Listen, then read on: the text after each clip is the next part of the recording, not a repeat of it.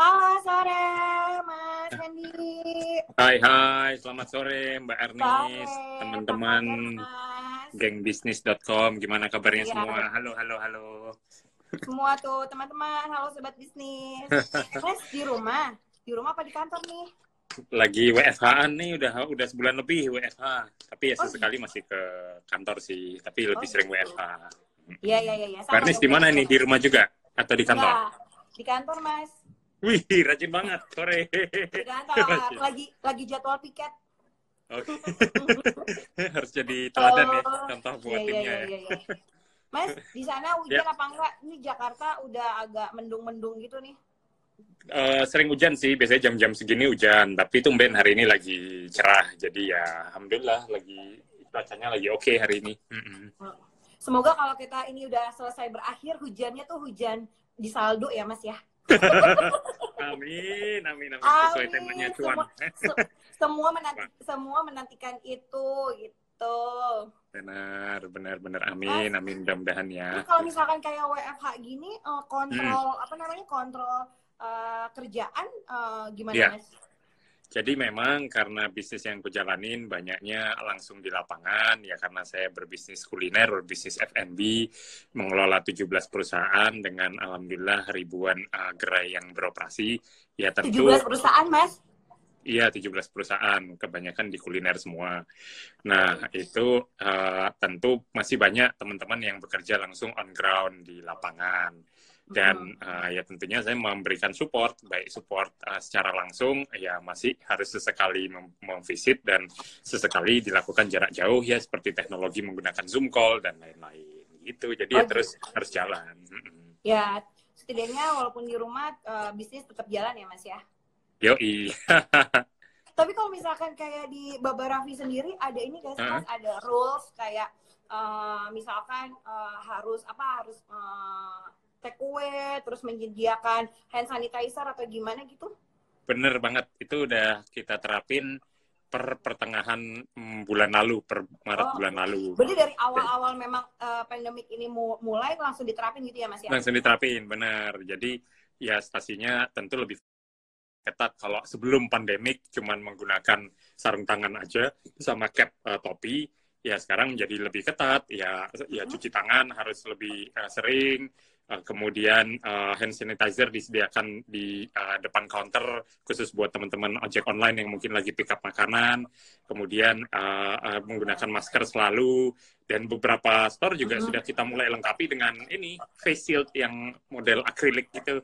Jadi mereka Model, oh iya yang kayak tentara-tentara itu ya Mas yang dari tapi nggak eh, yang yang itu yang akrilik gitu ya. aja, bukan yang buat medis, Oh, jadi masih oke apa-apa. Oh gitu. Gitu. Mas, tapi kan ini kan orang kan Jadi- jadinya banyaknya lebih ke take away kan? Eh, Take away, benar. Lebih, oh, lebih ke take away kayak gitu. Nah. Kalau eh, sobat bis- bisnis kayaknya bakal eh, jadi kepo nih Mas. Ada gak sih Iya. eh, dengan take away ini ada penurunan atau gimana Iya. dari segi omset? Ya, jadi memang di balik krisis selalu ada peluang dan saya percaya uh, salah satunya lahir orang-orang kaya baru itu justru dari krisis gitu. Jadi Oke. ya mudah-mudahan salah satunya teman-teman yang lahir sebagai orang kaya baru yang lagi ikutan IG live hari ini. Tapi Oh iya, alhamdulillah. Ah berarti saya Memang- termasuk ya Mas? ya dong juga termasuk Mbak Oh iya, alhamdulillah. Jadi memang s- ada yang bi- eh, industri yang down, yang falling, sama industri yang justru rising, yang justru meningkat. Nah, Hmm. di bisnis kuliner ini kena dua sisi. Teman-teman yang berbasis eh, dine-in atau makan di tempat, atau eh, yang seperti lokasinya di mall, itu pada turun pasti, karena konsumen Ya. yang dine-in, eh, mereka membatasi diri untuk datang langsung ke store. Namun sebaliknya, online ordering itu justru naik eh, bahkan eh, dua kali lipat sampai lebih. Itu dialami oleh kami. Jadi Mm. eh, bisnis model kami yang berbasis Grab and Go dan berbasis penjualan online itu justru meningkat dua kali lipat bahkan lebih gitu di beberapa store-nya. Jadi itu Oh, menjadi satu benar ya? eh, peningkatan yang luar biasa. Di saat satu sisi lain konsumen offline yang datang menurun, tapi jika Ah. dikombinasikan dengan orderan online justru ada peningkatan. Jadi bisnis modelnya eh, memang harus di switch yang awalnya ada dine in plus take away sekarang menjadi lebih banyak grab and go atau take away Lebih ke only. take away. Gitu. Oh ternyata benar ya mas. Jadi tuh kemarin eh, saya abis dapet, abis ngobrol-ngobrol gitu sama teman-teman eh, Iya.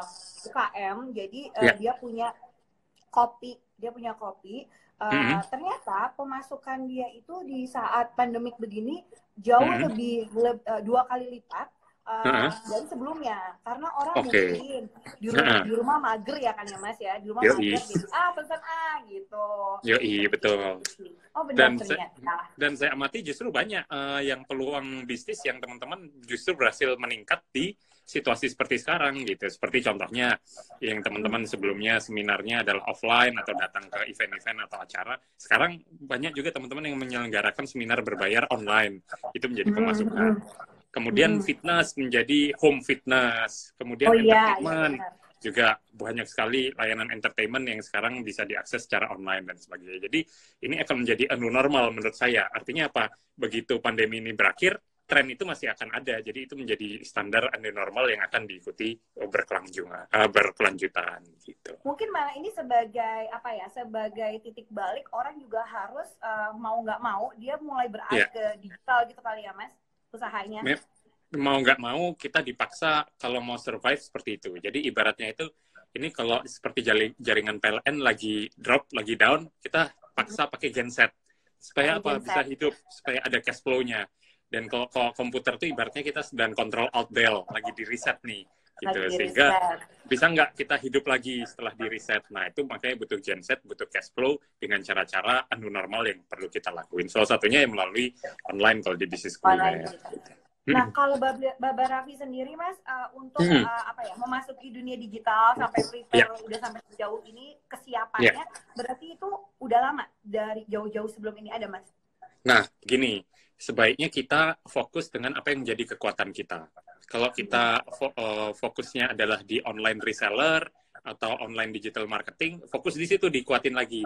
Kalau eh, kuatnya misalnya di konsep takeaway, maka itu yang dikuatin lagi. Sehingga adjustment-adjustmentnya adalah adjustment-adjustment yang bersifat minimal, tapi sesuai dengan keahlian kita.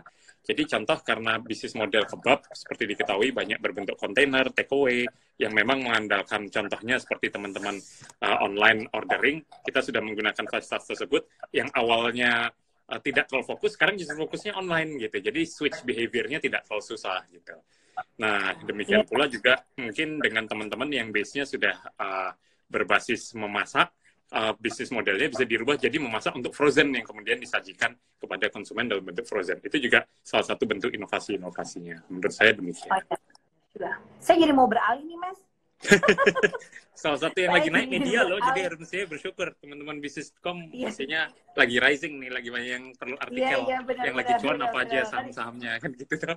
Habis ini, habis ini saya saya pikirkan, Mas, kira-kira saya mau buka, saya franchise Baba Raffi atau gimana gitu.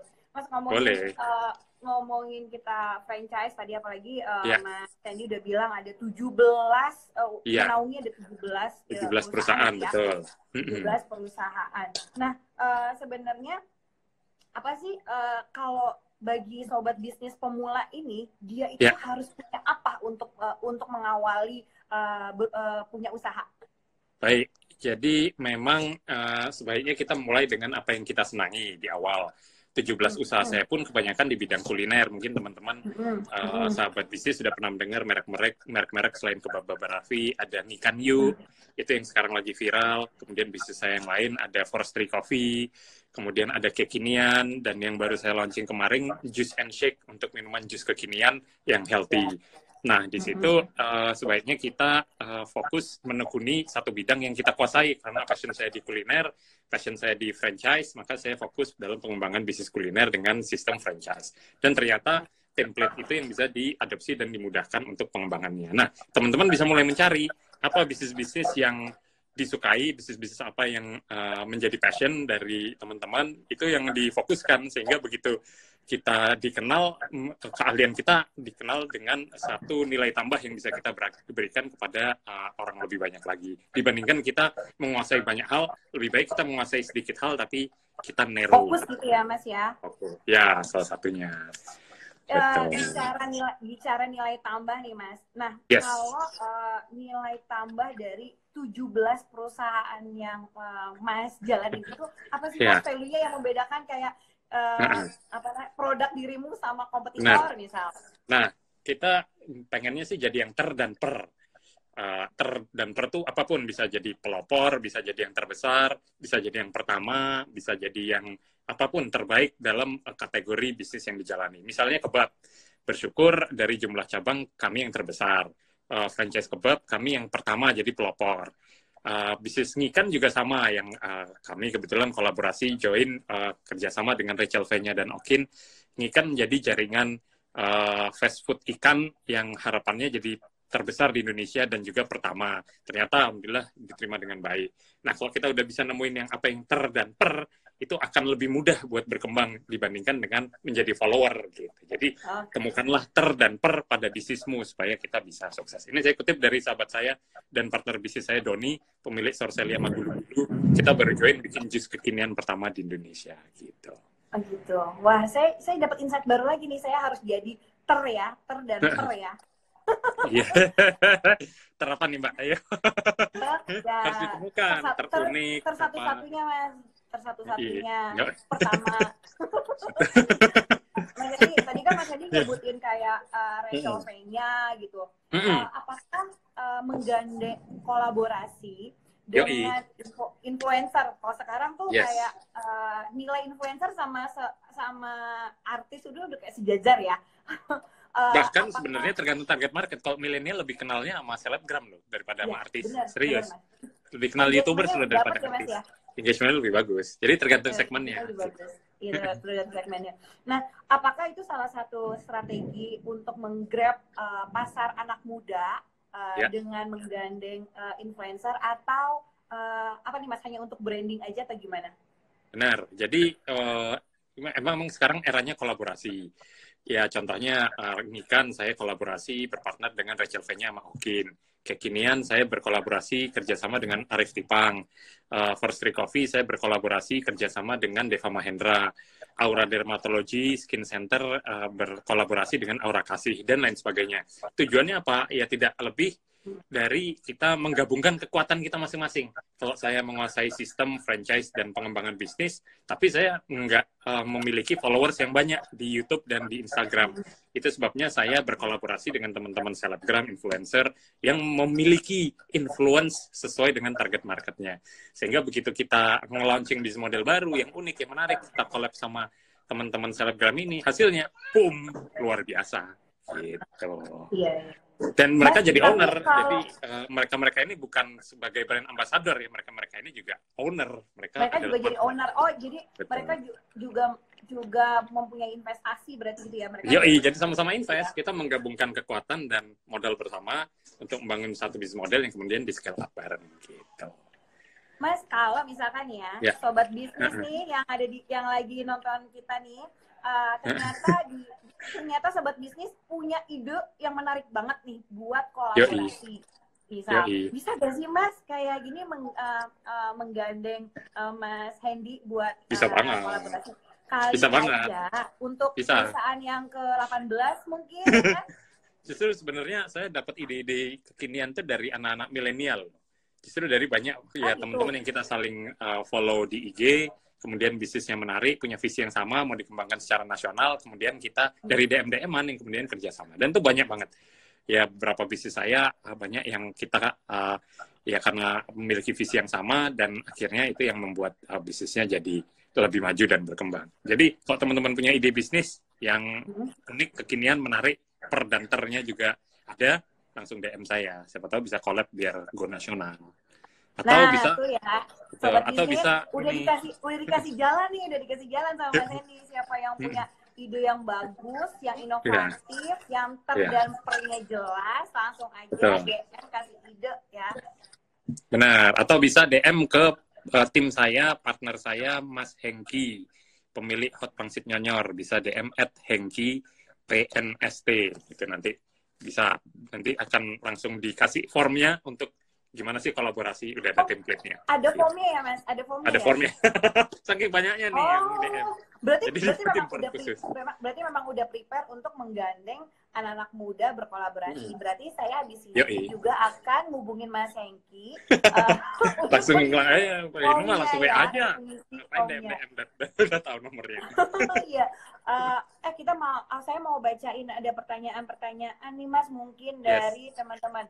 Kalau ya. kolabor yeah. dari HR15C underscore, kalau kolaborasi yes. itu untuk menghindari, menghindari pecah kongsi gimana ya?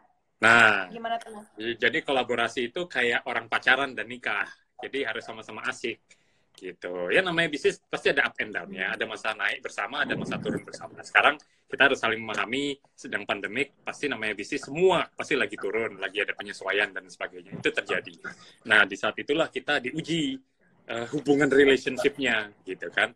Nah untungnya saya bersyukur semua partner-partner yang uh, berkolaborasi sudah memiliki mindset mental dan pemikiran yang sama. Jadi nggak cuman mau uh, enaknya aja tapi pas lagi susah yuk kita bertahan bareng kita upayakan bareng kita perbaiki bareng. Supaya apa? Supaya ini bisa uh, ke depannya bertahan lebih baik lagi jadi kunci kolaborasi sebenarnya uh, kompromi menurut saya bisa berkompromi bisa menerima satu sama lain dan bukan bukan ego yang dikedepankan tapi mana yang menurut kita adalah yang terbaik kira-kira gitu. Oke, tidak mengedepankan ego berarti ya. Iya, tidak ya, Mas kompromi ada lagi kuncinya itu. Oh, kompromi.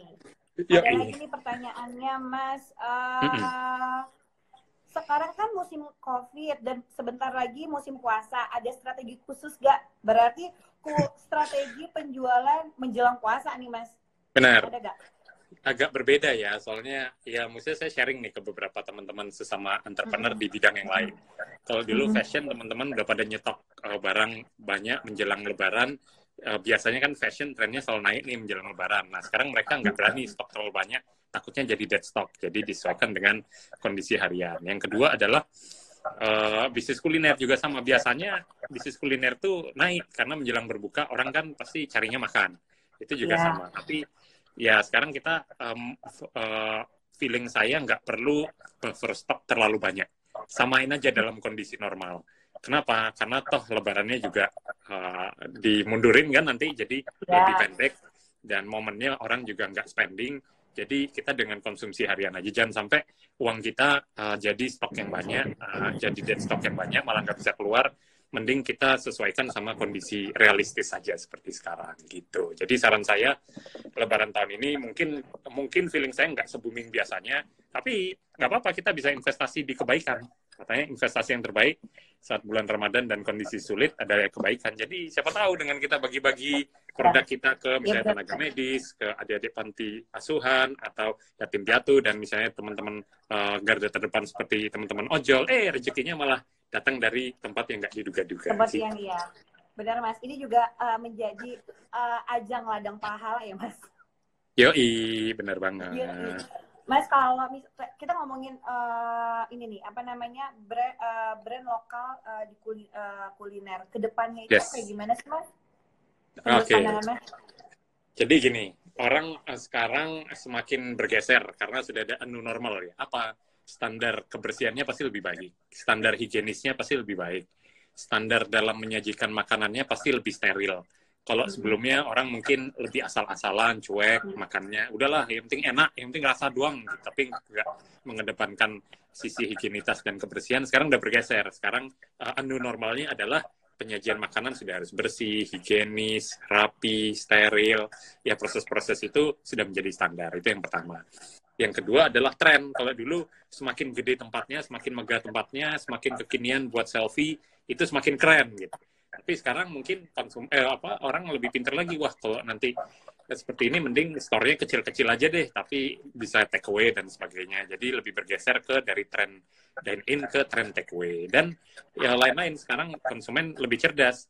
Maunya value for money. Jadi kalau dulu uh, mau makan mahal asal tempatnya uh, nyaman menarik gitu. Nah sekarang mungkin konsumen ya lebih ketat ya. Jadi konsumen carinya yang sesuai dengan budget Uh, tapi juga harapannya tetap terjaga dari sisi kebersihan, healthy, cleanliness, dan uh, lain-lainnya itu tadi. Nah, gitu. Itu.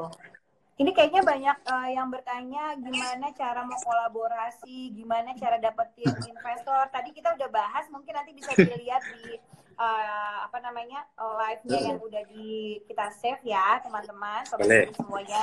Mas, yeah. uh, pertanyaannya lagi, ini kan banyak yeah. banget ya saya melihat uh, anak muda sekarang dia itu kalau kalau ketemu sama temennya misalkan lagi reuni nih bukan kayak lo kerja di mana? Itu kayak udah pride-nya udah bukan itu kayak lo punya apa sekarang? Gitu kan. Uh, gue punya bisnis A B C. Tapi yeah. banyak juga anak mm -hmm. muda yang takut mas mau mulai usaha. Gimana yeah. sih caranya untuk menghilangkan ketakutan? Kayak misalnya gini duh modal modal gue cuman ada segini nih nanti kalau misalkan yeah. uh, nggak bisa bertahan gue kehilangan modal terus gue jadi bangkrut banyak mungkin uh, bagaimana menghilangkan yeah. ketakutan kayak gitu Iya, jadi sebenarnya sekarang udah agak bergeser. Jadi milenial sekarang, anak muda sekarang menilai menjadi seorang entrepreneur itu adalah lifestyle. Jadi entrepreneur itu keren, gila, gokil man ya, jadi entrepreneur. Keren, ya beda sama dengan zaman saya mulai bisnis 15 tahun yang lalu di mana jadi entrepreneur itu masih dianggap gila nggak masuk akal udah kuliah tinggi tinggi malah jadi bakulan gitu jualan kebab gitu kan seperti yang saya alami. Tapi sekarang sudah bergeser gitu bahwa tren uh, milenial sekarang menganggap berbisnis itu lifestyle jadi entrepreneur itu keren. Nah uh, sebenarnya entrepreneur itu bisa entrepreneur sendiri adalah sebuah spirit sebuah gerakan menurut saya entrepreneur itu tidak melulu masalah menjadi seorang pengusaha, tapi bagaimana kita bisa berpikir kreatif, out of the box, berani mengambil risiko, yang bisa kita terapkan pada bidang apa pun yang kita jalani. Menjadi uh, uh, tim profesional atau keren pun bisa juga bermain. Jadi menerapkan perusahaan teman-teman yang bekerja freelance juga bisa menerapkan pola pikir entrepreneur dalam hal berpikir kreatif, berpikir out of the box, kemudian berani ngambil risiko untuk ngambil project-project yang di luar kenyamanannya. Nah, dari situlah uh, spirit entrepreneur itu bisa diterapkan pada semua sisi. Bayangkan kalau teman-teman government yang bekerja di government atau PNS, mindsetnya entrepreneurial spirit. Wah, itu bakal lebih revolusioner dan hasilnya bakal boom. Luar biasa. Gitu. Nah untuk mena uh, menanggulangi ketakutan gimana? Ya mulai dari yang kecil-kecil dulu. Jadi jangan langsung gede jangan langsung semua tabungan dipakai buat bisnis ya kalau karena Jadi namanya bisnis tetap ya, ada risiko. Nah, bertahap. Mulai dari skill yang kita punya dulu. Kalau ada uh, tabungan banyak mulai dari nggak usah gede 5 juta dulu mulai bisnis ditambah skill yang kita punya. Jadi yang kita keluarkan tuh lebih ke effort dan waktu. Jadi kalau gagal nggak apa-apa namanya juga belajar. Ada effort dan waktu kita sebagai bentuk pembelajaran. Gitu. Nah mas suggest dong mas akan yes. lebih uh, lebih baik menurut mas ini modal modal itu dari hmm. tabungan kah dari apa ya dari bunga deposito. Kan misal kalau yang udah punya deposito atau dari pinjaman. Sekarang pinjaman okay. banyak banget mas. Bisa dari peer to peer dari uh, pinjaman dari buat yang usaha mikro. Menurut Betul. mas Hendy uh, better yang mana ya? Kalau saya akan membagi modal dari tiga sumber. Modal finansial ya maksudnya ya. Ini di luar skill. Kalau kita punya skill itu udah hmm, modal yeah. juga sebenarnya tapi kok modal finansial saya akan bagi jadi tiga. Satu modal sendiri tabungan, ya atau atau uh, ya, modal uh, yang kita miliki sendiri dalam bentuk tabungan. Yang kedua adalah tabu uh, modal berupa pinjaman, bisa dari bank, bisa dari teman, bisa dari orang tua, tapi akadnya pinjam gitu. Dan modal ketiga dari mana? Dari investor atau partner gitu. Jadi ya kita gandeng joinan ada investor ada partner yang punya visi yang sama yang kemudian invest. Nah dari ketiga ini bisa kita kombinasikan dan saya juga menggunakan tiga resources tersebut. Untuk bisnis awal yang saya geluti biasanya modal saya sendiri.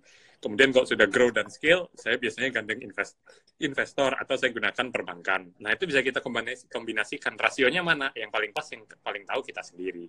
Jadi nggak apa-apa kita gandeng investor nggak apa-apa bisnisnya kalau sudah besar kita pakai pinjaman bank untuk dikembangkan dan untuk di awal pakai modal sendiri pun juga nggak apa Jadi networking juga juga penting ya mas networking. Networking yang utama. Kenapa? Karena yang dinilai itu sebenarnya skillnya. Yang dinilai itu pada saat kita berbisnis adalah uh, kita punya nilai tambah apa sih? Misalnya Garni karena di media punya kenalan banyak uh, di luar yang bisa jadi nilai tambah. Nah, terus kalau udah ngomongin uh, modal mas, gimana sih kita bisa ngelihat kalau uh, hmm. misalkan saya punya ide nih. Yes. Ini kayaknya pasar, ini kayaknya pasarnya pas deh. Apakah kita butuh riset dulu? Mm-hmm. Kalau misalkan riset itu harus seberapa dalamkah risetnya sehingga abis itu kita menentukan produknya atau yeah. ya udah deh, uh, ya udah deh gue uh, ini aja namanya uh, apa namanya uh, modal berani aja dulu, gue mulai aja dulu. Kalau nggak mulai, yeah. nggak mulai-mulai katanya gitu. Ada perbedaan. Kalau itu ditanyakan 15 tahun yang lalu di saat saya mulai bisnis, jawaban saya adalah yang penting action, yang penting mulai. Karena kalau nggak mulai-mulai nggak jadi pengusaha itu 15 tahun yang lalu tapi sekarang sudah beda sih sudah zamannya nggak gitu sekarang justru harus pakai riset harus ada validasi harus ada uh, market research yang jelas target marketnya siapa harus ada strategi dalam pembentukan brand dengan menggunakan brand konsultan supaya sesuai target market dan lain-lain jadi iya. persiapan itu sangat penting validasi konsep itu sangat penting sebelum kita launching. Biar apa? Biar paling nggak dengan kita validasi kita tahu oh bisnis model kita uh, bisa diterima dengan uh, oleh market dengan baik nih. Baru dari situ kita kembangin. Nah itu saya udah punya template-nya. Saya kalau mau membangun bisnis kuliner saya udah punya satu uh, format form yang itu bisa diisi skornya keluar. Oh bisnis model ini bagus nih kalau dikembangin. Oh bisnis model ini kurang nih. Kalau teman-teman yang mau dapat uh, template-nya bisa DM saya atau DM Hengki PNST Mas, saya juga mau ya. Boleh. Saya juga mau ya Nah, tapi khusus bisnis kuliner, kalau bisnis lain saya nggak punya template karena pengalaman saya kan di bisnis kuliner. Tapi template itu nggak bisa diterapkan untuk bisnis yang lain, mas? Yang yang retail masih bisa, yang berhubungan sama pembelian langsung ya B2C ya, retail bisa. Gitu. Oke, okay, nah sobat bisnis nanti kalau ada yang butuh template untuk riset yang uh, Yahut nih dari Mas Hendy boleh langsung DM atau nanti uh, bisniscom DM Mas Hendy nanti kita distribusiin juga bisa gitu ya. Ya, ya ini ada si partner saya Denis Hadi nih, wi owner Hadi Kitchen dan Juice and Shake luar biasa. Nanti suruh sharing oh, sekalian. Luar biasa. Halo partnernya Mas Hendy. ya ada Yasir juga, ada ya Mas Hengki PNST bisa. Ya. Juga ada. Mantap. Mas Hendy, ini kan Mas ya. Hendy kan 17 17 perusahaannya itu kan semuanya kuliner ya. Kebanyakan uh, kuliner, ada yang non kuliner juga. kuliner. Oke. Okay. Hmm. Mas Hendy itu kan berarti fokus banget tadi kan memang sudah dibahas kalau kita tuh memang harus fokus uh, mau kita mau usaha yang apa. Kenapa Yoi. pilihan pertama kenapa pilihan pertama kali pada saat waktu itu kuliner ya. menjadi pilihannya Mas Hendy untuk uh, uh, apa ya membuka usaha. Oke, gini. Jadi kuliner itu entry barrier-nya sangat gampang. Semua orang bisa masuk dan mulai bisnis kuliner. Tapi kebutuhan akan marketnya juga sangat besar karena selama orang butuh makan pasti butuh kuliner. Jadi sesuailah market yang besar dengan entry barrier yang juga gampang. Nah di situlah akhirnya muncul passion dan minat saya di bidang kuliner bukan di sisi product development ya mungkin saya nggak menguasai yeah. product development tapi saya menguasai dan tahu gimana caranya uh, sebuah uh, produk ini bisa di scale up gitu buat dikembangin jadi misalnya ratusan cabang nah itu butuh uh, sebuah passion minat dan jam terbang juga kita mau di, kita mau punya kalian apa yang bisa jadi nilai tambah. Jadi sebenarnya 17 perusahaan itu ada template-nya, prosesnya sama, tinggal di copy paste saja. Ibarat komputer itu programnya tinggal di copy terus di paste. Bedanya apa? Produknya. Bedanya apa? Brandnya. Bedanya apa? Uh, bahan bakunya. Tapi strateginya sama cara caranya sama sistem kontrolnya sama itu yang bisa diaplikasikan ke bisnis lain. Jadi kalau saya bisnis kuliner buka cabang ke 18 ya nggak susah karena template-nya sudah ada. Tapi kalau saya suruh bis, bidang lain misalnya saya buka usaha di luar kuliner misalnya bisnis uh, pengadaan uh, ke pemerintahan gitu yang saya nggak ngerti ilmunya ya mungkin saya nggak bisa sukses seperti seperti halnya di kuliner gitu. Mas bisa ini pengalaman pribadi saya. Jadi yeah. Ya. uh, ketika saya punya usaha mm -hmm. uh, dan situ tidak berhasil, lalu yes. saya mencoba lagi, saya kekeh banget, saya mau uh, tetap di uh, jenis usaha itu. Menurut yeah. uh, pandangan seorang Mas Hendy, apakah memang saya harus tetap pada apa ya pada minat saya atau saya yeah. harus kayaknya gue harus ganti deh nih uh, sekarang gue mau ke bisnis kuliner ah gitu atau gimana gini, mas? Gini, memelihara bisnis itu seperti memelihara moge prinsip saya. Saya hobinya moge juga motor gede. Saya suka naik moge, Harley dan sebagainya. Kalau bisnis tersebut uh, misalnya mogenya kan saya jual juga kadang moge saya dapat untung. Berarti saya mendapat cuan. Tapi kalau nggak laku pun ya saya pakai sendiri, saya nikmati gitu, saya jalani. Jadi dalam proses menjalani bisnis juga sama prinsipnya seperti kita memiliki barang-barang hobi. Kalau kita jalani kita senang, tapi kalau laku dijual itu pun juga jadi nilai tambah karena ada cuannya gitu. Jadi perlakukan bisnis kita seperti apa yang kita senangi, yang kita cintai. Jadi create bisnis itu kayak sebenarnya punya anak, punya baby. Kita senang rambutnya, bangunnya, apa dan sebagainya. Nanti kok udah gede, udah bisa lari-lari, menghasilkan, nah itu kita tinggal nikmati hasilnya. Tapi dalam proses okay. ngerambut tersebut, ya harus telaten, gitu. Yeah. Telatennya itu ya berarti ya Mas ya? Sedang diuji. diuji. Mas ini ada pertanyaan lagi. Ini udah ada yang collab nih antar sesama yang komen nih di bawah gila. Mereka saling saling kolaborasi loh. Iya saling collab nih bisa jadi. Mas ada yang jadi nanti nih, saya dapat komisi uh... jangan lupa ya kalau ada yang deal ya. Oh iya, iya. uang denger ya Mas, uang denger. Iya. Mas ada yang nanya dari Shirley Sherlinda Sherlian Sherlianda. Uh, Mas, saya mau yeah. tanya bagaimana cara customer mengetahui produk kita selain dari kita kreatif dan mempromosikannya secara teknis. Maksudnya okay. uh, customer tahu produk kita tanpa kita promosi gitu mungkin kali ya? Uh, Oke, okay. gini. Basicnya misalnya kalau bisnis kuliner Kayak ya, zero ya. zero cost untuk zero, zero cost, cost untuk promotion mungkin mas?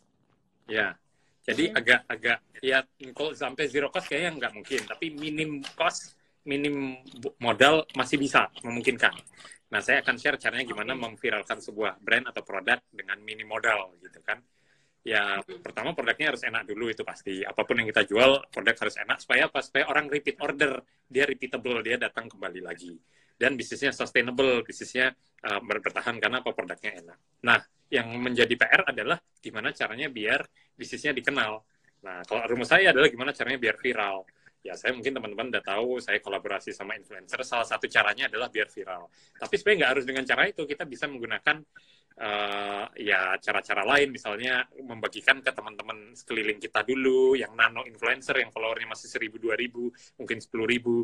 Tapi dari situ sebenarnya dari inner circle-nya sudah bisa menghasilkan uh, word of mouth ke lingkaran yang lebih gede lagi lebih gede lagi. Jadi kita bisa manfaatkan misalnya akun-akun Instagram buat promo bukan akun besar tapi akun yang ada di kota kita misalnya ah, kuliner Surabaya, uh, kuliner Bogor, kuliner Bandung dan sebagainya itu yang digunakan buat promo sesuai dengan target market kita. Ngapain kita nasional, wong brandnya uh, outletnya masih ada di satu kota misalnya, sehingga dari situ promonya bisa, kecil dulu dari promo yang kecil dulu, ya. benar. Nah sehingga di situ nanti kita gulung terus sampai kita punya budget buat pasang iklan di yang influencer besar sehingga bisnisnya bisa booming gitu. Jadi ini tips tipsnya ini kebanyakan semuanya bertahap. Emang kita harus bertahap ya mas, nggak ada yang instan kalau mau langsung boom. Yoi. gitu. Ya kan kita juga nggak mau bakar duit kan, bukan aliran startup yang bakar duit kan kita harus gitu. iya benar benar benar. Mas kalau ngomong kan kita karena bisnis kuliner, kuliner sekali ada tanggapan kayak uh, ini ada sertifikat halalnya nggak sih gitu kan? Kan yeah. kayak gitu kan. Uh, yeah. Untuk uh, mendapatkan proses sertifikat itu tuh uh, sulit gak sih mas? Kalau misalkan nggak sulit, uh, mungkin mas Hendy mau berbagi tips gimana uh, cara yang mudahnya gitu? Ya zaman sekarang pasti lebih orang lebih concern ya orang pasti nyari punya sertifikasinya enggak, BPOM-nya minimal PYRT atau halalnya ada enggak, itu udah pasti. Apalagi itu jadi akan jadi new normal, akan jadi standar baru.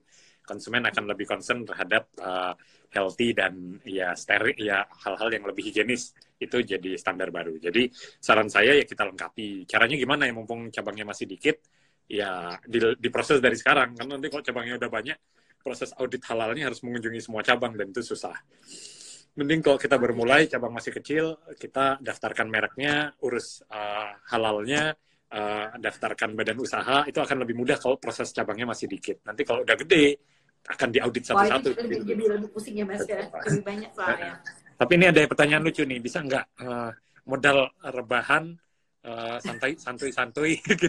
Tapi bisa dapat bisa cuan gimana caranya gitu. Itu bisa nggak sih mas? Kita cuan sambil rebahan saya coba itu komen di bawah. Bisa nggak sih? Sambil rebahan sebenarnya kan orang dulu mimpinya gitu ya. Jadi oh hari rebahan tidur tidur apa? Ya sekarang dijadiin beneran gitu sekarang kita kerja cuma di rumah iya, iya rebahan. iya, iya, kan gitu. tapi memang harus produktif ya harus harus by system. Jadi saya di sela-sela waktu saya rebahan dan sebagainya saya masih ada agenda zoom call sampai lima zoom call sehari saya dalam oh, seminggu ini, ini rebahan yang produktif ya mas? Rebahan produktif. Jadi rebahan memang tapi ya sambil zoom callan pakai head free earphone gitu. Ya kemudian IG live saya juga ya masih nyempatin buat sharing. Ya ini IG live saya yang keempat gitu. Jadi dari situ ya gunakan waktu rebahanmu seproduktif mungkin. Biar apa? Ya dari rebahan-rebahanmu itu yang menghasilkan zoom call diskusi cuan, sharing. Bisnis model akhirnya jadi cuan gitu. Jadi jawabannya bisa banget Santuy guys. Rebahan, rebahan, rebahan menghasilkan cuan mantap mas. Mas kalau misalkan ini ngomong-ngomong bisnis kom udah berapa uh, IG live nih selama pandemik? Eh Mas tapi uh, hmm? Mas Yendi itu menjadi uh, ini loh uh, toko pertama. toko pertama ah, serius? wah serius? Wah kehormatan ah. serius. Karena memang karena memang bisnis, bisnis lo pengen menginspirasi uh, teman-teman uh, teman-teman sobat bisnis buat uh, jadi di rumah yang udah stuck kayak misalkan saya di rumah tuh udah kadang suka ini udah itu udah udah segala macam aduh gue ngapain lagi ya setidaknya punya uh, yeah. abis setelah uh, ngobrol-ngobrol kita ini dia punya uh -huh. sedikit uh, pencerahan oke okay, yeah. next uh, covid ini berakhir gue harus uh -huh. bla bla bla bla pengennya kita begitu mas makanya kemarin yeah ya siapa lagi kalau bukan uh, rajanya franchise ya kalau bukan mas amin amin amin, amin. tapi sebenarnya begini ini saya off the record aja.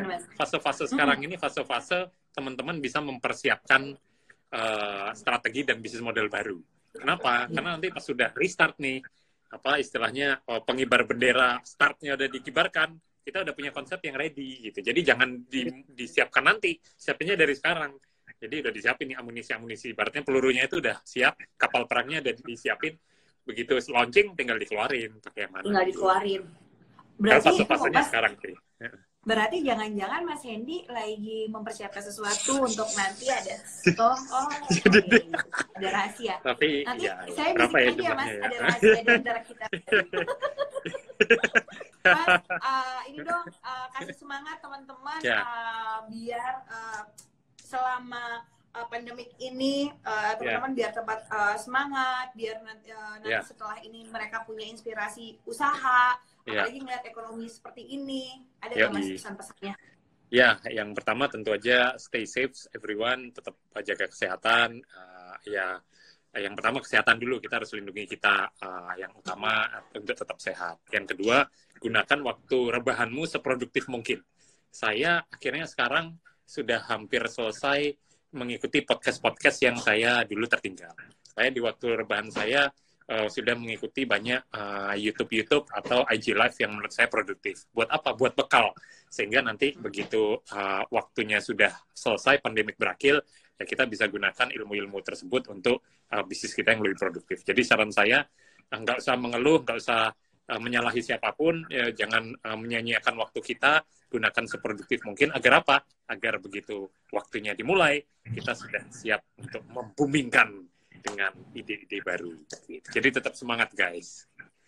Gitu. Oh, iya tetap semangat guys. Uh, WFH, WFH yang berfaedah ya mas tetap berfaedah dong. uh, WFA yang berfaedah. Mas, uh, balik yeah. lagi kita ngobrol uh, tentang bisnis nih. Uh, sekarang yes. kan juga banyak bisnis yang uh, bisnis kuliner yang bermunculan. Yes. Uh, dan seberapa penting packaging itu menurut Mas Sandy? Packaging. Apakah itu sebagai apa ya daya tarik pertama kali orang mau beli atau gimana, Mas? Packaging itu sangat penting. Jadi gini, mm -hmm. uh, itu saat itu linear dengan konsep branding menurut saya. Jadi mm-hmm. branding itu jangan asal-asalan. Turunan dari branding apa? Ada packagingnya, ada uh, target market yang dituju, ada konsep uh, bisnis model, uh, uh, bisnis modelnya dan sebagainya. Itu satu kesatuan dalam membentuk uh, konsep branding. Jadi kalau kita bicara branding, launching sebuah merek, itu harus diperhatikan dengan detail.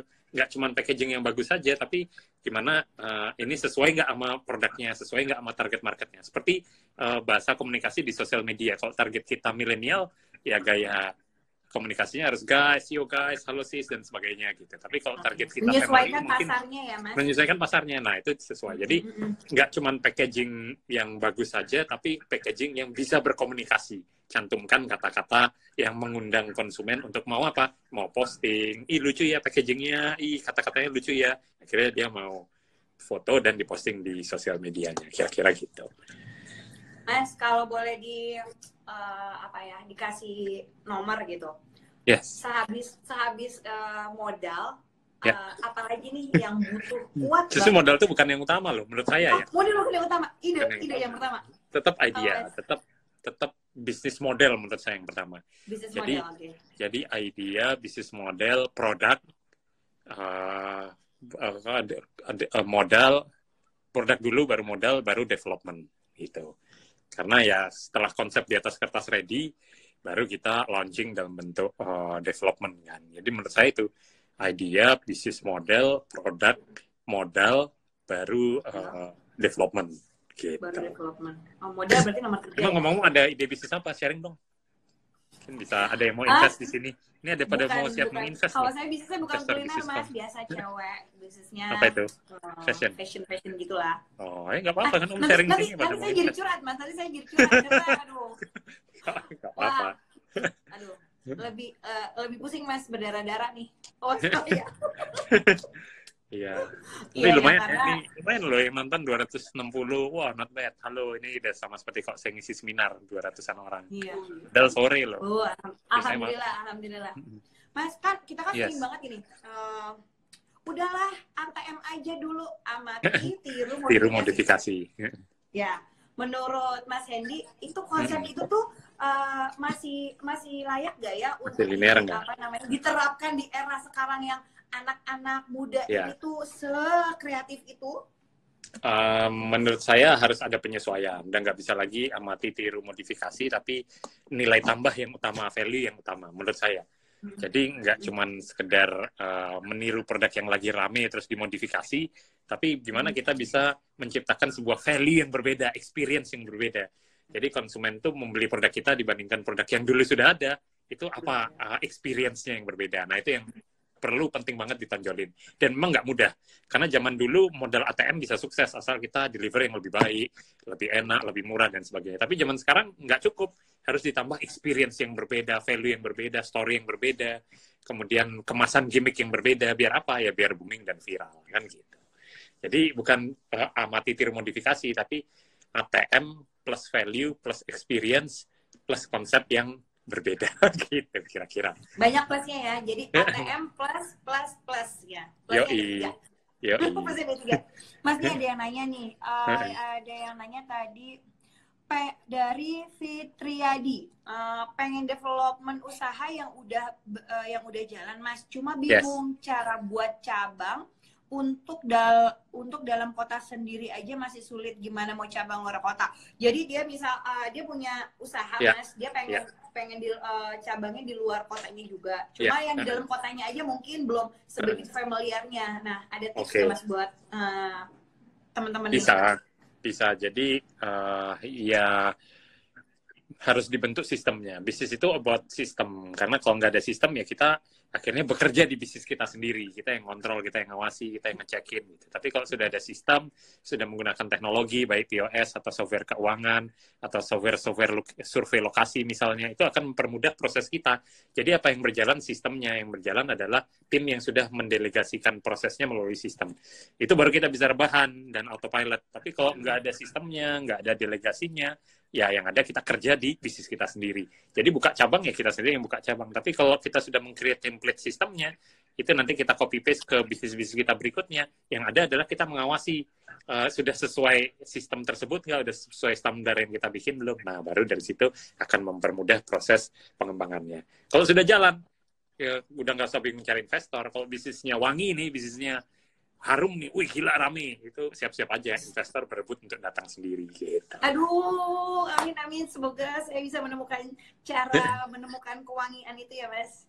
bisa dong, amin. amin. Mas, Kamu kan kerja di bisnis.com uh, dapat info-info hot setiap hari kan. Seperti, semakin dapet, sore nih mas, sepertinya. Iya uh, kan? Mas Andy, semakin yeah. sore sepertinya dan buat teman-teman uh, sobat bisnis yang baru join mungkin yes. nanti bisa dilihat uh, live-nya ini kita save kok bisa nanti diputer-puter puter-puter kayak yeah. gitu ya masih kayak belajar ada buku ada bukunya yeah. dibaca terus dibaca terus mungkin nanti bisa yeah. menginspirasi dan Amin. terima kasih Mas Yuni Mas jangan yeah. jangan kapok uh, okay. ini baru sesi pertama wow sesi pertama. okay. akan ada sesi-sesi berikutnya karena ini ini bisa aja live. Mungkin next kita bisa collab untuk bikin kelas inspirasi atau Ayo. scale up ya Mas ya. Oh iya. Sekarang Ayo, kan uh, zamannya oh, scale up tuh kayak gimana. Kita Ayo. bisa bikin kelas scale up terus bisa juga uh, bisnis yeah. bisnis kom punya video di channel YouTube. Nanti kita juga bisa mm -hmm. collab di situ. Ah, sekarang zamannya yeah. collab mah banyak ya Mas, enak ya. Iya, yeah, iya. Yeah. Santuy, santuy. Terima kasih Mas Hendy sudah join dan menginspirasi. Oke, okay, thank you teman-teman udah join. Makasih semua. Ini. Terima kasih teman-teman hmm, sudah kasih ya. kita sampai ketemu lagi. Thank you ya Mas Hendy. Bye bye, bye bye. bye, -bye. Sampai ketemu. See you. Sobat bisnis jangan lupa nanti lihat aja live-nya ada di IG kita kita save atau di YouTube-nya kita dan ditunggu lagi live-live yang selanjutnya yang menginspirasi sobat bisnis. Oke? Okay? See thank you. Bye-bye. Bye-bye. Thank you. Thank you.